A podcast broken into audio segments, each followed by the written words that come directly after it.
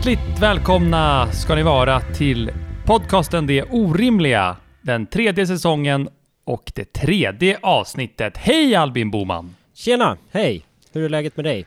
Viktor Hur är du?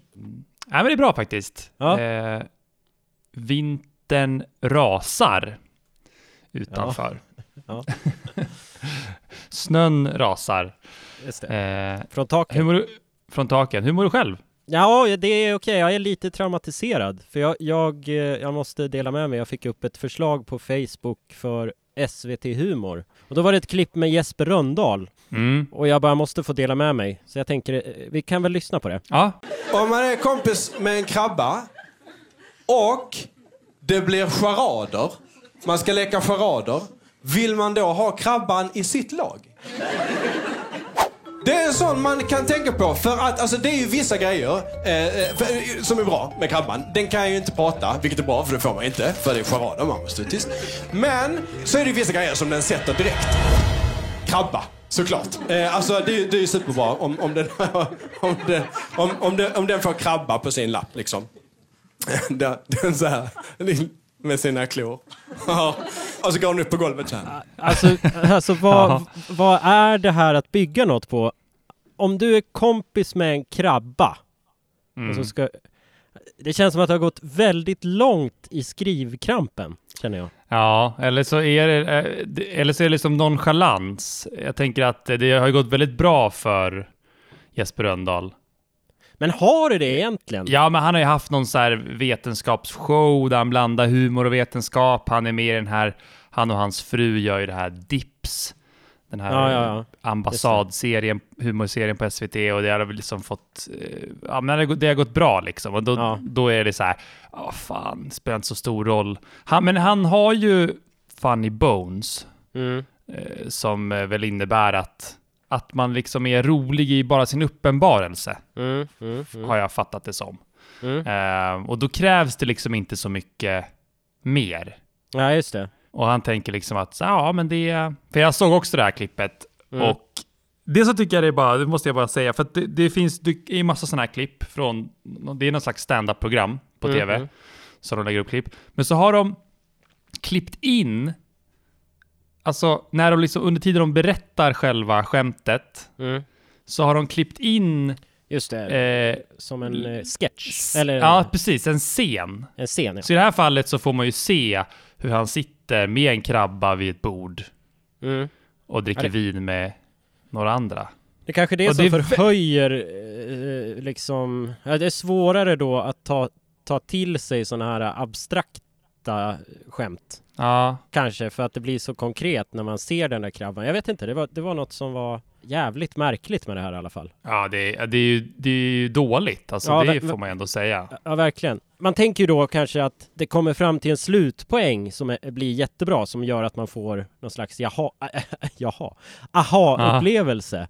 Alltså, alltså man känner sig, jaha, det var därför han pratade om krabbor. Och då, Ja. men, men, men så innan slutklämmen så pratar du något om att en krabba kan göra MC Hammer i charader också, alltså Mm. krabbdansen. Och sen så kommer den då, slutklämmen, och den ska få oss att kissa i byxan. Jag tycker att vi lyssnar på den också. Ja. Kastanjetter kan den också. Eh, om ni gör såhär. Ratatatat. För då, alltså spanjor typ. Om det står spanjor på lappen, då kan den också... Eh, spanjor. Så om man får skriva lapparna själv. Eh, om det inte är sån köpespel utan man skriver själv så skriver man så MC Hammer, krabba och spanjor. Krabban är mitt lag. Okej, nu kör vi här. Jävlar bra. Det är jättemärkligt. ja, för man skulle ju, så funkar ju inte när man gör charader. Nej, det är så orent också. Alltså det funkar ju inte så. Då skulle man ju få välja själv vad man, eh, vad, vad man ska göra för charader. Ja, alltså alla skriver ju några lappar, så lägger man det i en stor hög och sen Ja, så rycker det. man. Och så det är inte rycker så man. att... Jag, ja, det- den, den, den håller inte. Nej, verkligen inte. Det gör inte det. Alltså, det, jag, jag fick känslan, jag tycker det påminner om roliga timmen som man hade på mellanstadiet. Hade du Mm. roliga timmen? Ja, jag vet inte. jag tror inte. Vi hade någon slags show, Ja. men det var liksom inte varje, så här, på fredagar, var, varje fredag var det inte vad jag minns i alla fall. Nej, just det. Nej, alltså vi hade det, Ja, jag jag kommer vet- ihåg. K- Så här, klassen delades man delades in i grupper. Och sen så skulle man förbereda något slags underhållning. liksom som Mm. resten av klassen skulle kolla på och, som sagt gärna på en fredag. Och det var ju alltid någon grupp som var så dåligt förberedda och improviserade fram något som var uruselt. Och så exakt, jag fick exakt samma känsla när jag tittade på det här. Det här är, alltså det, det var därför jag ville dela med mig. Jag tycker det här är något av det sämsta jag sett. Jag fattar inte att det För han är ju bra i, i vanliga fall. Nej, men jag tror att det är nonchalant. Nonchalans. Att han, han är redan på toppen och är så här, ah, okej, jag kan köra gigget, jag har inte så mycket material, men jag, jag skriver ihop någonting här innan i logen. med vänsterhanden. Ja.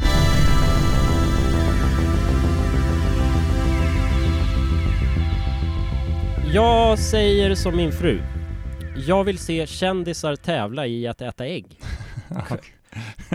Kommer Ja. du ihåg de där japanska tv-formaten som svenska kanaler köpte in för typ tio år sedan? Eller Ja. drygt tio år sedan är det väl nu. Jag får bild, eh, de har någon slags blåa trikåer på sig. Exakt, exakt. Det var, det var ju den här äh, Hjälp, jag är med i en japansk tv-show, hette en. Och så fanns det en som hette Hål i väggen. Ja, det var den jag... Fy fan! Ja. Ja. Alltså de- här programmen gick ut på att kändisar skulle ha just knasiga eh, trikåer på sig och förnedras i tävlingar med namn som typ Golden Olympic Egg Chicken Run, Dizzy. Sushi Go Round eller Stretch My Pantyhose. Hette eh, grenarna. Och hål i väggen, det hade ingenting med glory holes att göra utan det var någon slags mänskligt Tetris-koncept tror jag. Eller? ja, man skulle, det är precis, det kom som väl som en vägg. Just det, det var en vägg som kom och så skulle de... Du, du skulle liksom forma kroppen efter hur hålet var. Just det. Typ som ett kryss, så här. Då skulle du göra kroppen som ett X-. Exakt. Ja men det är lite svårt att minnas exakt hur de här programmen var, men min känsla är att det var mycket slime och eh, så här halkiga dräkter som de hade. Ja. Det, det typ Ja. Eh, och, det, och det här ska man komma ihåg att det här var på den tiden när det inte ansågs vara rasistiskt att stereotypisera japaner, typ Lex, Lost in translation och så vidare. Och Mm. de, de ja- japanska förlagorna, de var ju än mer sadistiska än de svenska. Och, men alltså de, de kunde man väl också se på typ sexan? Om inte annat så kanske klipp därifrån. Tänker jag. Ja, det kanske var så. Att kolla hur knasiga de är. Ja, Japan. precis. Precis, precis så kan det ha varit. Och jag saknar ju inte den rasismen, men jag saknar de här tv-formaten jättemycket. För jag var ju inne på för ett par avs- avsnitt sedan att vi lever i ett så mycket bättre land. Man skulle ju också Mm. kunna säga att vi lever i eh, stjärnornas, Stjärnorna på slottet land, Mm. eh, eller Renés brygga land och så vidare. Eh, Ja jävlar vad många bryggor det har varit. Ja, det, det har ju det. Det är många Mia bryggor. Skäringer på Grötö. och- Ja, exakt, exakt. Martin Timell, Martin och hans eh, bror Anders Timell, de hade ju också något sånt här eh, innan bubbelpoolskandalen. så någon var, och de stod på någon brygga och så lagade de mat och sånt så. Och så var det en bubbelpool i bakgrunden. Ja, precis. Ja. Ja, nej men äh, det här är vi ju inte direkt först med att uppmärksamma att, eh, att det är så här. Alltså alla vet ju redan vid det här laget att TV-tablån är fylld av sådana här trivsamma program där kändisar möts över borden och dricker och framförallt gråter då. Mm. Det är ju klimax på något vis. Eh, och det är ju för att kändisar är ju också människor. De har också känslor. Alla Aha, kändisar ja. bär ju på något trauma, något hemskt som har drabbat dem, någon motgång Ja. Som bara Gud, ja. måste ut på bästa sändningstid. Eh, hur skulle de annars överleva? Och det är ju inte bara i de här tv-programmen som kändisar får utrymme att berätta om sina mödor och besvär. Vi lyssnar ju på kändisar hela tiden Mm. i, i Alex och Sigge, i Fredagspodden, Wahlgren och Wistam, Skäringen, Mannheimer. Listan kan ju göras lång. Det, är ju liksom, det här är ju poddar, men det är inte knypplings eller speedway-poddar, utan det här är ju kändisar som då pratar om sina liv. Med Mm. allt vad det innebär, allt från ljus till mörker. Men det kommer ju en del tårar där också. Och dessutom så matas vi ju med svinlånga intervjuer överallt och hela tiden nu för tiden. Alltså Mm. kommer du ihåg när Värvet kom? Ja, visst. Det var väl framförallt också att det från början bara var i princip stand-up komiker. Ja, det, var ju det, precis. Eh, men det var väl typ de fyra första avsnitten eller något innan. jag vet det kanske var några fler. In- Innan det tog slut. Och han frågade Ja, alltid, eh, han Triumf frågade alltid, dels, han frågade alltid hur de skrev sina skämt och sen vad de tjänade. Just det, just det. Det känns som att det har försvunnit. Mm, ja, exakt. Men i alla fall, där i början så, så när värvet kom och började bli stort så användes den här frasen flitigt. äntligen får den som intervjuas tala till punkt. Alltså Mm. tala till punkt, det blev det finaste vi har i Sverige. ja. Det, det var liksom, det var dels som att vi kollektivt hade längtat efter att höra kändisarna prata ut och dels var kändisarna kränkta över att de tidigare inte hade fått tala till punkt. Alltså de hade blivit nedtryckta och förnedrats i knasiga japanska tv-shower. Och den enda intervjutid som de fick, det var på röda mattan eller så här, möjligtvis tre minuter i en morgonsoffa. Alltså Mm. kändisarna var då en förtryckt grupp som ingen tog på allvar och det var liksom synd om dem. Men så kom då Kristoffer Triumf som en Messias med sitt värvet och vände upp och ner på allting och, och sen följde ju alla andra efter. Idag så har vi ju bland annat då Min sanning på SVT och söndagsintervjun i P1 och även om det inte är eh, timmeslånga intervjuer så är det ju värt att nämna ändå Karina Bergfeldt eller tidigare då Skavlan där gästerna får tala till punkt så länge meningarna är korta så att säga. Alltså de har ja, inte just det. Ja. Så jag menar alltså att det finns ett före och ett efter värvet och det är lite förenklat men på ett ungefär. Kan du känna, är du med på hur jag tänker? Ja, ja verkligen. Men då undrar jag Viktor, var det innan vär- värvet synd om kändisarna egentligen? Alltså, för de var ju redan så här välbetalda, hade maktposition och en röst och så vidare. Men var det synd om dem? Vad, vad tycker du om det? Nej, det, jag tycker inte Det att det var du synd om. Nej. Nej men jag, bara, alltså jag kan ju förstå att, att alla vill bli tagna på allvar såklart. Och jag kan ju också förstå poängen med intervjuer. Alltså om det är en musiker som vill prata om sin musik, det är ju det kan ju vara jätteintressant. Men mitt problem här är att kändisar liksom har annekterat det allmänna utrymmet med sina liv och sina personliga problem framför allt. Alltså vi lyssnare och konsumenter, vi har blivit kändisarnas tysta terapeuter. De behöver prata av sig och vi, mottagarna, tagarna, vi lyssnar mer än gärna. Vi betalar liksom till och med för det, om, om inte annat genom att vi tar del av annonser då liksom. Mm. Och jag pratade ju om för ett par avsnitt sen om att vuxna lajvar ungdomar och jag, jag tänker nu på lite samma sätt att kändisar lajvar vanlisar. Och- Ja, vad snygg spaning. Alltså jag gener- generaliserar ju nu lite men låt mig göra det bara. Mm. Att, för att kändisarna, ja tack. Kändisarna vill vara som vilken annan människa som helst. Alltså för dem så är det väldigt viktigt att de får berätta att de inte har fått sin framgång gratis. Alltså de har kämpat för sin framgång precis som du har kämpat dig genom din utbildning. Eller Mm. ibland så har till och med deras kamp varit mycket större än vad din och min kamp har varit. Alltså helvete vad de har gått igenom och vilka Ja. problem de har. Alltså det är ADHD och det är föräldrar som har gått bort och de har skilt sig och de har haft cancer, de har sömnproblem och de har gått, gått in i väggen. Men alltså på riktigt, vem fan har inte gjort det? Eller hur? Alltså, de vill verka vanliga, men samtidigt så vill de ju inte det. Fattar du vad jag menar? Alltså de vill ju Mm. samtidigt vara för mer, samtidigt som de vill att vi ska ta dem som vanliga människor. Ja, visst. Och alltså jag förstår ju också att, att man vill berätta om sin bortgångna mamma för hela världen. Och det tror jag att många kan känna igen sig i. Eh, Men skillnaden för dem gentemot för oss, det är ju att de har möjlighet att berätta för hela världen om den här mamman som har gått bort. Och då lyssnar hela världen. Alltså en vanlig Agneta, en vanlig Agneta ute i Sverige vars mamma har gått bort. Det är inget, det är liksom inte, det är inte hundratusentals människor som lyssnar på hennes historia, om man säger så. Nej, nej. Så att det som skaver, tycker jag, det är att det här är ju ingen förtryckt grupp som det är mer synd om än någon annan. Ja visst, det är jobbigt för alla att gå in i väggen, men alltså jämför en kändis med en ensamstående mamma som har ett vanligt jävla arbete och så går hon Mm. in i väggen. Alltså, mer eller mindre alla kändisar är ju rika ändå. Ja, Så att det är ju ändå en viss skillnad. De är ju liksom en grupp som står över oss andra. Kändisarna tillhör ju överheten. Så att vi borde Ja. ju driva med dem och skratta åt dem. Inte höra, höra dem tala till punkt hela dagarna. Alltså varför ska vi lyssna på dem? Varför är det, dessutom, varför är det mer intressant att höra vad en 40-årig manlig skådis ha- har att säga om metoo eller barnuppfostran än vad det är att höra din granne prata om det. Alltså, mm. jag, ja, jag vet inte, ty- det handlar ju också om maktstrukturer och kändisar har mer makt och större kapital än oss vanlisar. Liksom. ja. Så, så jag, jag vill säga till kändisarna, försök inte att vara någonting som du inte är. Alltså en skådis med skådisföräldrar som hävdar att hen har fått kämpa för sin framgång. Det blir ju pinsamt för att Mm. den här personen föddes ju ändå in i ett ofantligt kontaktnät. Mm. Så hen hade vissa fördelar som andra inte har. Men hur som helst, visst är det väl bra i alla fall att vi kan prata om psykiska problem nu för tiden. Ja, det är bra att det luftas. Ja, det är ju bra. Men någon jävla måtta får det väl ändå vara. Alltså jag säger som Tony Soprano från tv-serien Sopranos. Han säger så här. Let me tell you something. Nowadays, everybody's got to go to shrinks and counselors and go on Sally Jesse Raphael and talk about their problems.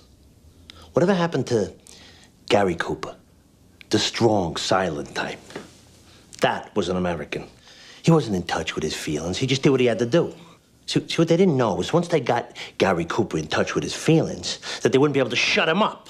And then it's dysfunction this and dysfunction that and dysfunction motherfucker. Briljant. Ja, verkligen. Alltså han syftar ju här på mansrollen på något vis. Det, det kanske jag inte håller med om. Men, men han var ju ändå inne på något. Eh, Mm. Alltså om man då t- tar hans exempel Gary Cooper och, och så får Gary Cooper symbolisera kändisarna. Mm. Så att när man fick Gary Cooper i kontakt med sina känslor så kunde man sen inte få tyst på honom. Då är det dysfunction this och dysfunction that.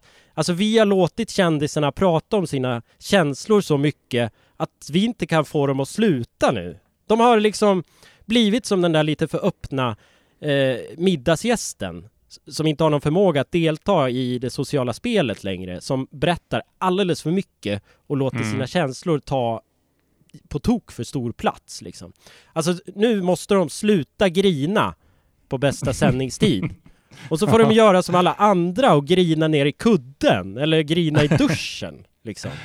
Eller bara sluta och gnälla. Kan inte Ja, alla bara sluta och gnälla? Exakt, sluta gnälla för fan. Alltså jag tror ju mycket på pendelrörelser och nu har ju från då de, de här eh, japanska tv-showerna så har ju pendeln gått åt andra hållet. Men nu Mm. framöver så tror jag att vi, i- vi i Sverige kommer få se fler tv-format som liknar de här japanska. Eller bara Mm. då mer Fångarna på fortet än Så mycket bättre Ja. eller Renés brygga. För alltså intresset att se kändisar kommer ju inte att försvinna, det måste vi ju slå fast. Men Mm. nu vill vi i alla fall snart återigen se kändisar dratta på ändan istället för att grina. Men, men eh, jag, jag tror att jag har för mig att jag var inne på någonting om, om det här i, i en tidigare, tidigare avsnitt.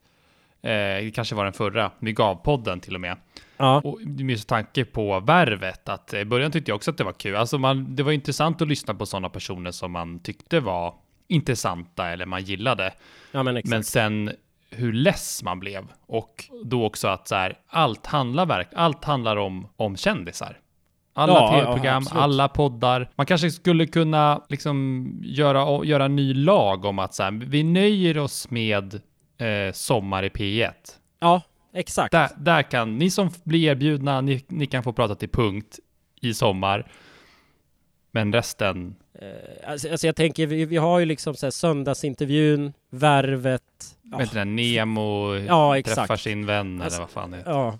Alltså vi skulle väl kunna, de skulle väl kunna bli en och samma redaktion bara. Ja, precis.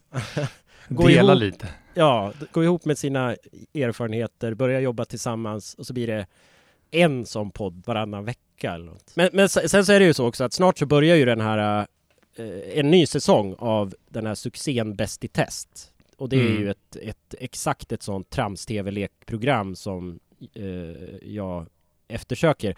Och det har ju verkligen blivit en helt, en oväntad supersuccé. Mm. Bäst i test. Det var ju liksom inte tanken att, eller det var ingen som trodde att det skulle bli en sån succé från början. För det blev ju så till och med att TV4 har ju nu flyttat på Let's Dance från fredagar till lördagar Ja, istället. just det. För att de förlorade så många tittare till Bäst i test. så att, jag menar, svenskarna har sagt sitt. Ja, Vi är trötta på att se de här privilegierade rika människorna grina. Nu vill vi se vem av dem som kan äta ett ägg snabbast istället. istället. Eller hur? just det. Eller snurra på en stol flest varv. Ja, exakt. Utan att kräkas. Men det är ju fortfarande, du menar då att vi ska, vi ska ha kvar kändisarna, men vi ska flytta dem från tala till punkt-programmen till förnedringsprogrammen. Ja, men Att exakt. vi liksom gör, att då gör mer- vi narr av dem. Ja, exakt. Då får vi kasta ägg, kasta ägg på dem också. Men det är, ju lite, det är ju lite samma sak som det här med Idoljuryn. Varför Mm. ska ungdomar lyssna på dem? Det borde ju vara tvärtom. Ja, precis. Alltså- att Alltså det är det är ungdomarna som fram- ska stå och kasta, kasta ägg på Idoljuryn, inte tvärtom. Och det är ju, Ja. det är ju vi vanlisar som ska kasta ägg på... Eller vi ska ju kasta ägg på kändisarna. Vi ska ju inte lyssna på dem. Ja, exakt. Det är skevt! Ja, det, är, det, är, det är jävligt skevt. Ja. Faktiskt. blir jag upprörd. Ja, jag blir också förbannad. Vi går ut och demonstrerar. Ja. Också det att alla kändisar ska ha sitt eget program med, alltså inte bara med, ja men vi har ju dels då som du sa Renés brygga och eh, Martin Timells brygga och eh, Skäringer på Grötö och Pluras brygga. Och... Pluras, eh, precis. Men vi har också det med hon, Clara Henry, när hon det, eh, skulle göra någon slags träningsutmaning som också Ja, var det. Ja, det halv, halv, halv, ja, halvt platt fall. Ja. Ehm, Jag tror att det kommer också fortsätta, även om då kanske den här förnedrings-tvn kommer tillbaka så, så är det ju fortfarande då bland tv-kanalerna populärt att alla kändisar ska få sitt eget program. På samma Mm. sätt som att alla ska få, få vara progra- programledare. Liksom. Mm. Det, har, det har blivit så många kändisar nu också. Förut så, jag menar på, på Hylands tid, nej men det var väl bara han då, det fanns liksom Ja, det, var, det fanns bara. Det var en kändis, då fick Ja. han sitt program. Nu är det så Exakt. extremt många. Så att det är liksom, Ja. det är svårt att få plats i tv-tablån. Ja, Eh, ja, precis. och då blir det så, då startar de podd istället. Ja, men det är så extremt eh, billig tv att göra också. Ja. Det är väl det liksom. Men det är väl det där också, det fenomenet att alla ska göra allting. Ja, Alltså absolut, inte det nog, med, också. det är inte nog med att du är till exempel kändis eller influencer, du ska också skriva en bok, du ska också släppa en låt, du ska göra din klädkorrektion. Eh, Mm. och det, ja men det, jag tycker att folk mer borde, borde hålla sig på sin Bli vid din läst. Bli, ja, exakt. Ja. Eller hur? En skomakare ska väl inte börja och, eh, och virka nu helt plötsligt? Nej. Det där, Ja, det där är farligt. Det, är, det, är- ja, det är, jag blir orolig. När alla ska kunna allt så urholkar det ju professioner. Mm. Det, det, Ja. alltså det, det, det tycker jag nog ändå på riktigt. Att så här, om alla ska vara författare, då är ju ingen författare. Nej, ja, det där är farligt. Jag tror man måste, man måste liksom på samma sätt som att här eh, Jesper Röndahl, som du pratade om i början där, att han, eh, han måste liksom tänka till lite där så här, men vad fan, Ja, det, här, jag. det, här, det här håller inte. Jag måste Nej. ta ett steg tillbaka här nu. Så borde ju också fler människor tänka.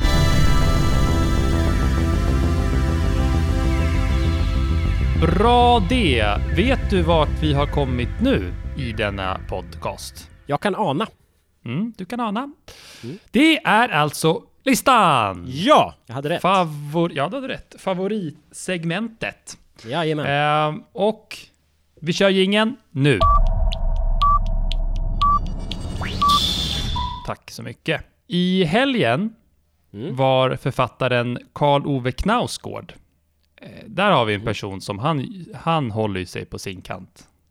Ja. det får man ändå säga. Han Ja. kommer aldrig göra ett vin. Nej, det kommer han Eller? inte göra. Ja, det vet Nej. man inte. Han eh, har släppt en ny roman som heter Morgonstjärna. Just det. Eh, och han var då med i Lundströms bokradio i P1. Mm. Och programledaren Marie Lundström, hon studsade på att en av karaktärerna dricker otroligt mycket. Mhm. Vi kan, Aj, väl, aj, aj. vi kan väl lyssna på hur det låter. Vi, vi har en journalist i boken som heter Jostein. Ja, just det. Mm. Och här på Lundströms blev vi lite bekymrade över journalisten Josteins alkoholintag i boken. Ja. Ja. För här har vi då Josteins samlade supande en ödesdiger kväll på after work. Det är alltså tio och ett halvt glas öl, tre glas vin, sju Jägermeister, två gin, tre vodka och en whisky. Det är lite oklart om han drack den sista vodkan och whiskyn ur minibaren, men högst troligt. Eh, Mm, men det är en väldigt lång kväll då. Ja, men, men kan man dricka så mycket? Ja, ja. Det kan man. Okej. Ja, Det, det, det, det går fint. Men man blir fryktelig full då. Och det, det blir Ja. han också. det blir han. Jag tycker det här var fan, det här var ju underbart att höra. Det här, det här var roligt på många Ja. sätt tycker jag. Alltså det är så kul att han säger också, ja det går fint. Det, verkar uppe, det verkar ganska tydligt att Knausgård har testat att dricka 10,5 öl, 3 glas vin, 7 Jäger, 2 gin, 3 vodka och en Ja. whisky. Det, det är liksom, under en lång Ja, kväll så ja. går det fint. Det är liksom, det är ingenting att orda om. Eh, ja, jag vet inte, det, jag tyckte bara att det var, det var så roligt. jag vet inte, vad, jag vet inte vad, som, vad som är liksom mest orimligt, att, att faktiskt att det går att dricka så mycket, eller att, att hon Marie Lundström blir så, blir så bekymrad. Så här, ja, vi, vi, Ja. liksom. Och att ja, hon pratar lite också om att så här, det, det handlar ju mycket om alkohol i hans eh, böcker, liksom, i hans eh, roman Svit eh, Min kamp, så, så dricker ju Det han själv. sups en del där också. Ja. Ja, det, ja verkligen. Liksom från unga Mm. år upp till tills han blir gammal. Ja, väldigt, eh, Det är väldigt väldigt så roligt. himla roligt också att hon, att hon... Vill hon avslöja honom? Eller vad är det hon vill? Alltså...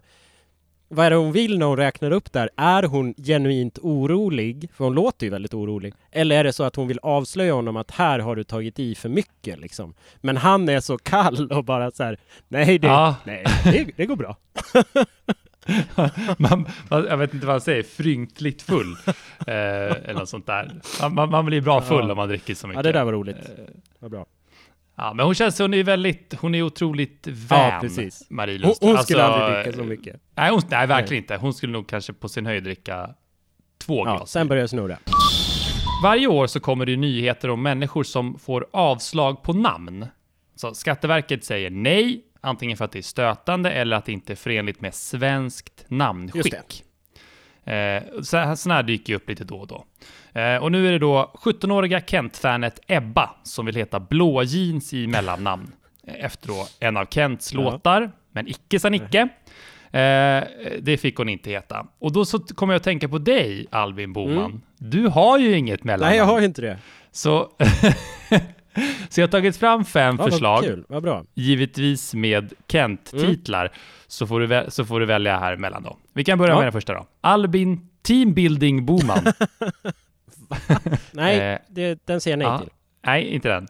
Albin Idioter Boman. Det låter som att jag har multipla personligheter. Albin Taxmannen Boman. Ja, det, nu börjar det likna något. det, det. Albin LSD någon? Boman. Ja, det, det får man nog inte heta. Nej. Albin Klåparen Boman. Och då tänkte jag så här, Albin K Boman, det är väl så, faktiskt så du har tänkt Ja, att det är heta? ju det. Då skulle ju K1 kunna stå för Klåparen.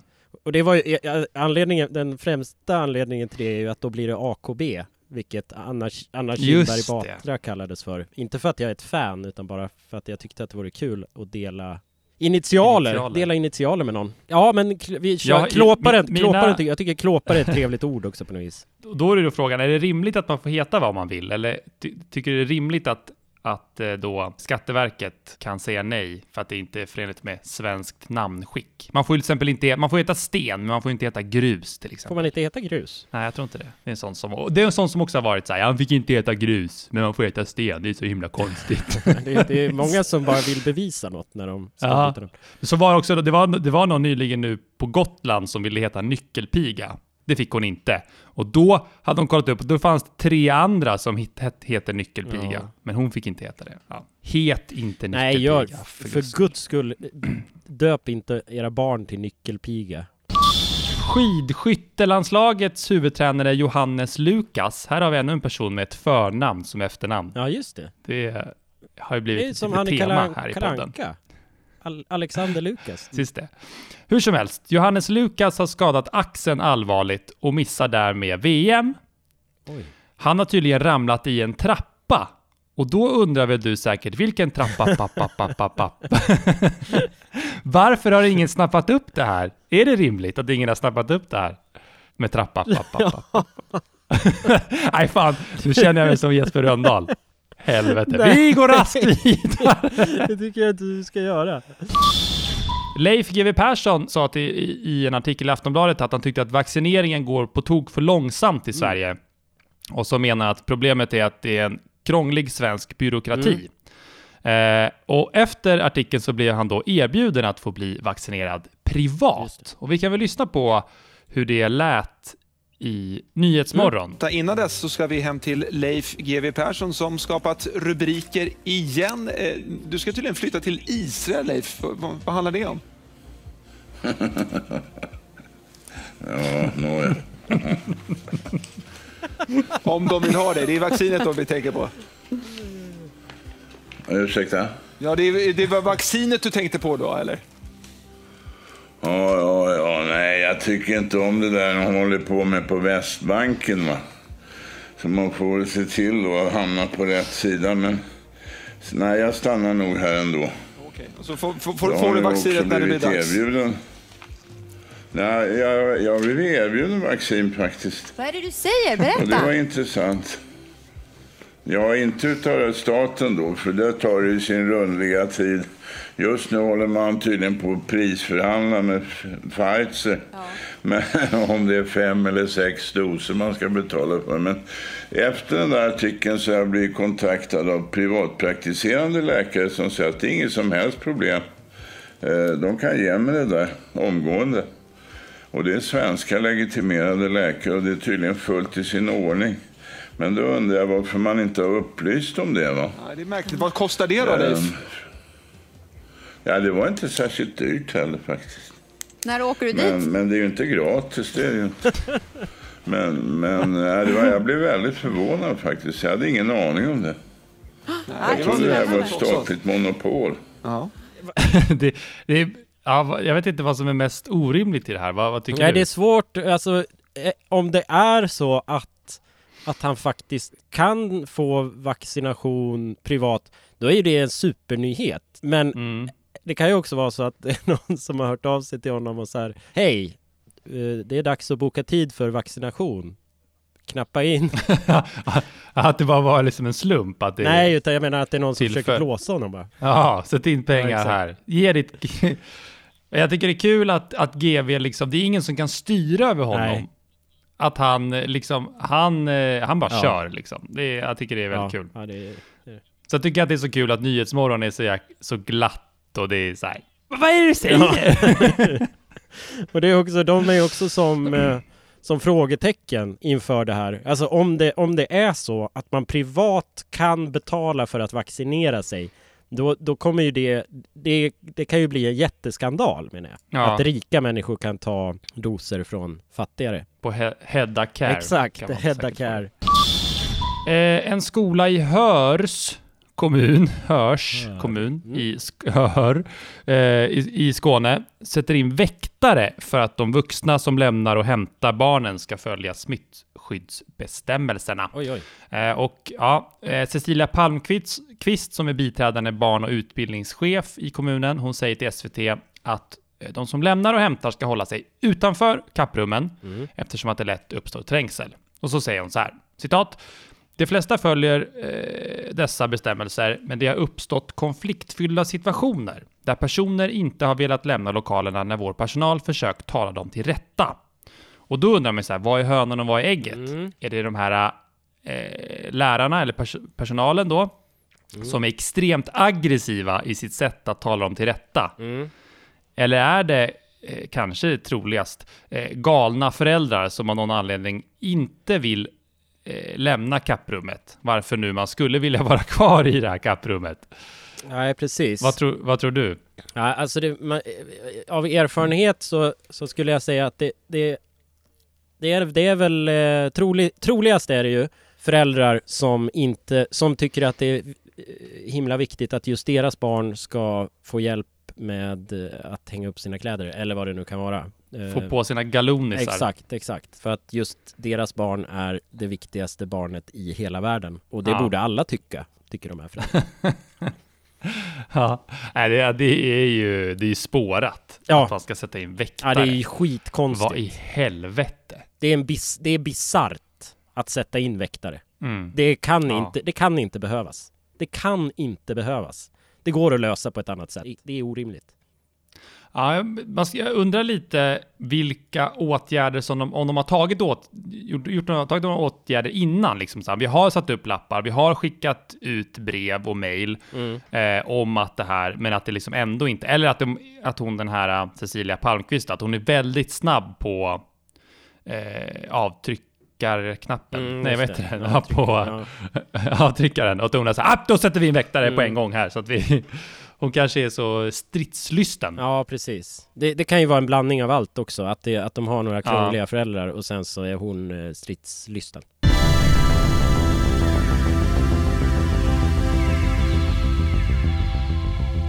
Vi har ju börjat baka surdeg båda två. Mm, Det är kul. det är kul. Det är lite Eh, men du fick ju av den anledningen vara med om något traumatiskt som Mm. du berättade om i en radiodokumentär i Sveriges Radio. Jag tänker så här att vi kan väl helt enkelt lyssna på vad det var som hände. Ja, Det här är P3 Dokumentär.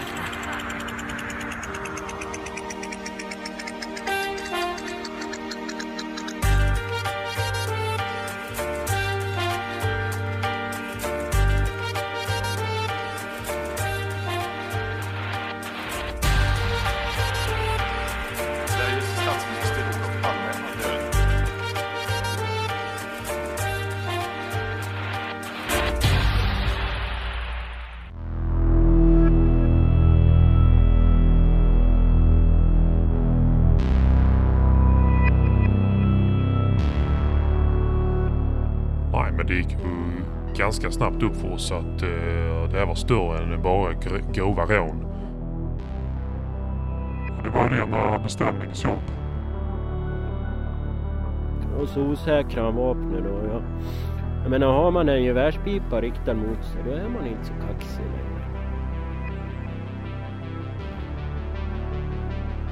Det, det, har, det har jag inga kommentarer till. Eh, och allt annat är ett hot mot, mot eh, rikets säkerhet. Jag är bara stänga igen skiten. Ja, det är klart man blir förbannad. Du lyssnar på P3 Dokumentär om Surdegsligan med mig, Viktor Meidal.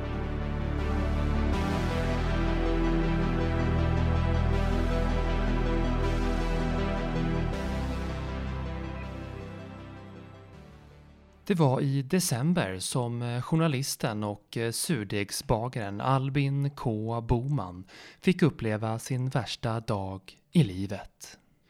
Han hade precis satt en fördeg för att på kvällen kunna baka surdegsfrallor i vedspisen i sitt eh, 1600-talstorp i den lilla byn Bengtsarvet strax utanför Falun.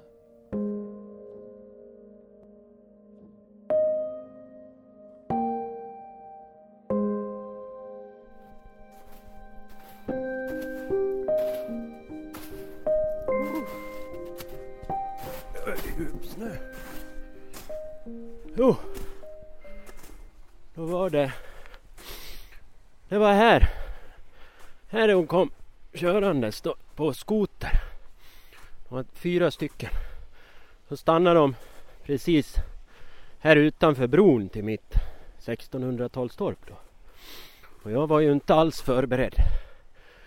Hade precis satt fördegen och ställt ovanför kylskåpet här i 1600-talstorpet då. Där, Eh, där är det varmt och gott för degen och, och sätta sig då. Så hörde jag ett oväsen ute på gården. Precis här utanför 1600-talstorpet då där jag bor då. Så gick jag ut för att se efter vad fan det var som hände och när, när jag kom ut sen så blev jag ju alldeles livrädd. När eh, journalisten och eh, surdegsbagaren Albin K Boman kom ut från sitt 1600-talstorp såg han fyra maskerade män på skoter. I händerna hade de järnrör och en av dem hade en Kalashnikov riktad mot honom. var det en, en gubbe han skrek Surdegen, surdegen skrek en, en, en av gubbarna då. Och jag kunde inte för mitt liv jag kunde inte för mitt liv förstå vad han, vad han menade. Men så skrek han igen Ge oss surdegen nu annars skjuter. Skrek han. Och så osäkrade han vapnet då. Jag, jag menar har man en gevärspipa riktad mot sig då är man inte så kaxig längre. Albin eh, gör som han eh, blir tillsagd och hämtar sin eh, surdeg och räcker över till männen. Och det gjorde så ont och ge bort min älskade surdeg som jag hade kämpat med den här inne i mitt 1600-talstorp. Och då gick det ju upp för mig då att nej, det blir inga surdegsfrallor ikväll. Det blir bara te, men inget att gnaga på. Jag har ju tackat Gud flera gånger att jag lever det liv jag lever. Jag har ett 1600-talstorp och jag får dricka te och äta surdegsfrallor på kvällen. Och det, är det, som det som, som under flera år då varit behållningen i, i mitt liv så att säga.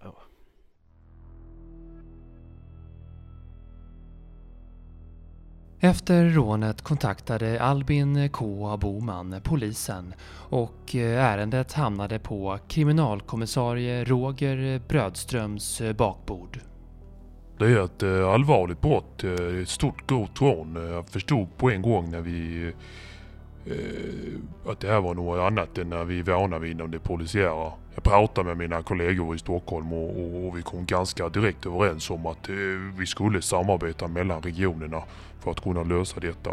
Eh, det visar ju sig att det här rånet det var bara toppen av en, av, av en isbergssallad. Under granskningen får jag kontakt med en av männen som påstår sig vara en del av surdegsligan. Han ställer upp på en intervju i utbyte mot att han får vara anonym. Vi kan kalla honom för Mackan. Det var rena beställningsjobb. Vi själva hade egentligen ingen nytta av eh, själva surdegen. Eh, jag är till exempel eh, glutenintolerant, så jag käkar inte ens bröd. Jag får jätteont i magen om jag äter så lite som en brödsmula. Vi var helt enkelt anställda till att utföra jobbet. Beställningen kom högerifrån. Jag kommer inte nämna några namn, men jag kan säga så mycket att det, det är personer högt uppe i regeringspositioner. Men visst, vi, vi- vi fick bra med deg. Pengar alltså. Kriminalkommissarie Roger Brödström igen. Nej, men det gick ju ganska snabbt upp för oss att eh, det här var större än bara gr- grova rån. Eh, alltså inte smörgåsrån utan eh, kriminella rån. Eh, och att den här ligan inte opererade helt på egen hand. Och efter en tids spaningsarbete så fick vi upp ögonen för, för en person i, i en ministerpost. Personen i fråga visar sig vara livsmedelsminister Jonas Beigel.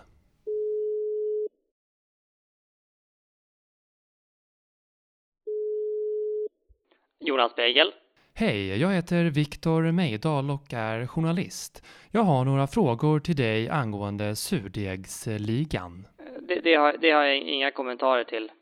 Enligt eh, polisens förundersökningen har du betalat pengar till ett kriminellt eh, nätverk för att eh, stjäla surdeg. Vad har du att säga om det? Ja, det, det, det, är, det är ingenting som, som, jag vill, som jag vill kommentera utan det, det, det, det, det, det, det, det, det, det, får du prata med, med, med, med, med min advokat om. Så, så, så.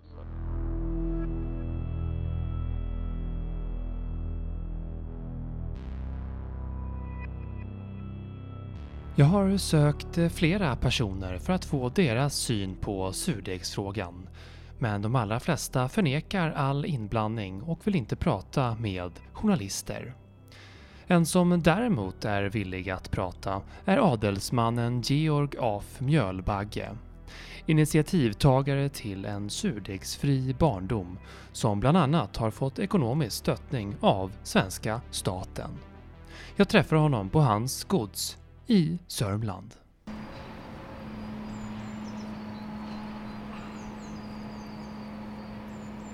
Välkommen, välkommen har resan så att säga gått dessvitt.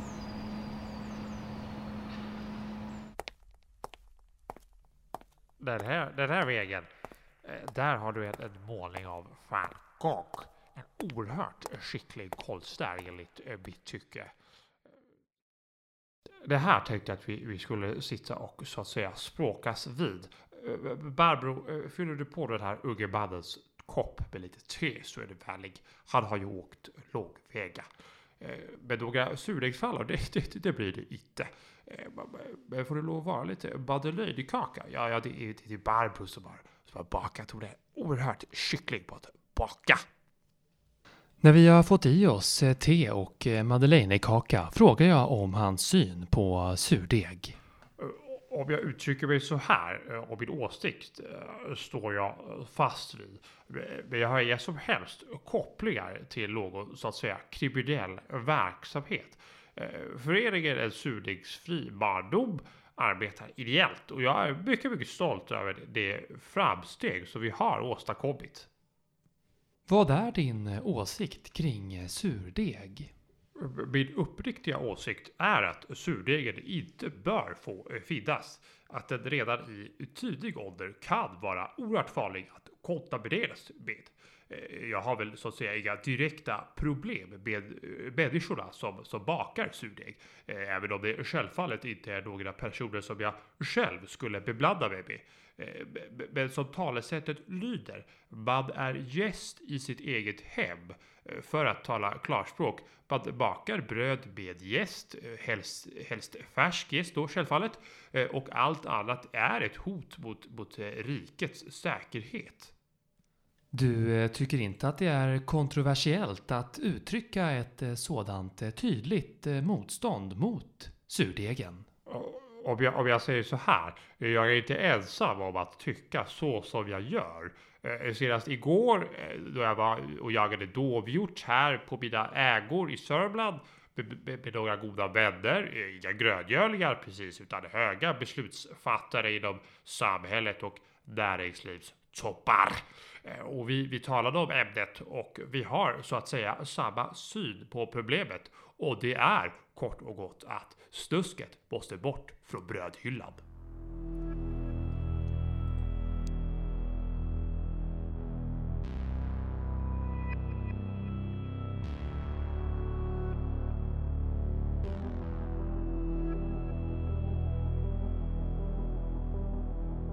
Och det är fler som har fått problem med surdegsmotståndet.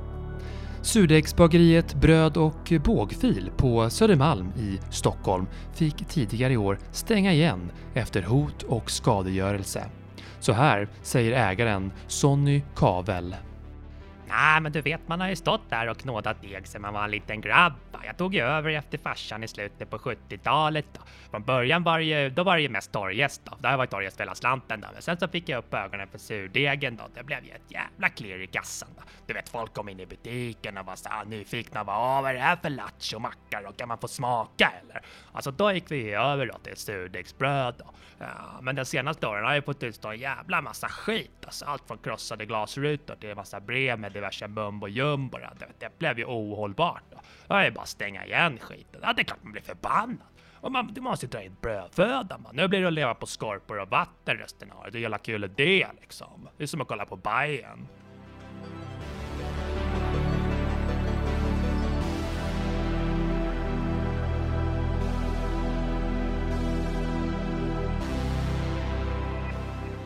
Vi hör Mackan igen, som nu påstår sig ha lämnat surdegsligan, men inte sin kriminella karriär. Det är klart att jag kan tycka synd om de som blir drabbade. Men de måste förstå min situation också. Jag har varit kriminell i hela mitt liv. Jag kan inget annat. Jag kör liksom skor med kardborreband. Jag kan inte ens knyta skorna. Så, så ett vanligt kneg, det funkar inte för mig. Men jag, jag har lämnat surdegsligan. Det, det var inte för mig helt enkelt. Nu är det mesta baxa stjärtlappar. Alltså det finns ju folk som betalar 50 000 för en riktigt bra stjärtlapp. Ja, framförallt nu när det är vinter och mycket snö.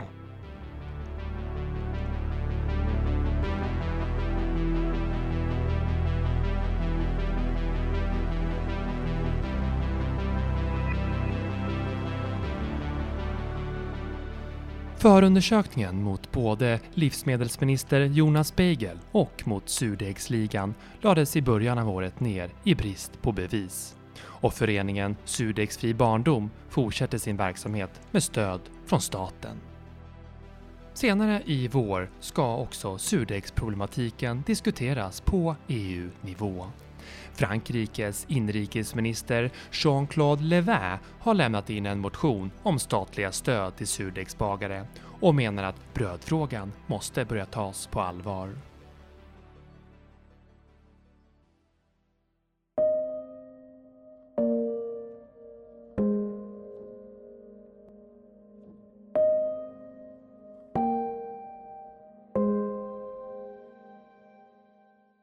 Albin K Bomans liv går vidare. Men händelsen i december lämnar en sur eftersmak. Och inte den där sura smaken från ett nybakat surdegsbröd, utan mer en sur smak som liknar någon slags citrusfrukt. Det är klart jag var tacksam över att ha livet i behåll men en surdeg är en surdeg och det är inget jag tar lätt på. Det, det vill jag ha sagt. Men livet går vidare. Det är bara att kämpa på. Men det är klart att det är många gånger som det har varit en kamp. Och jag har testat andra grejer. Och jag har kastat yxa och fiska och åkt moped och sparkrally här nere på sjön. Men det är som ingenting som är riktigt som att greja med, med surdeg. Ja. ja, nu ska jag vidare. Hej!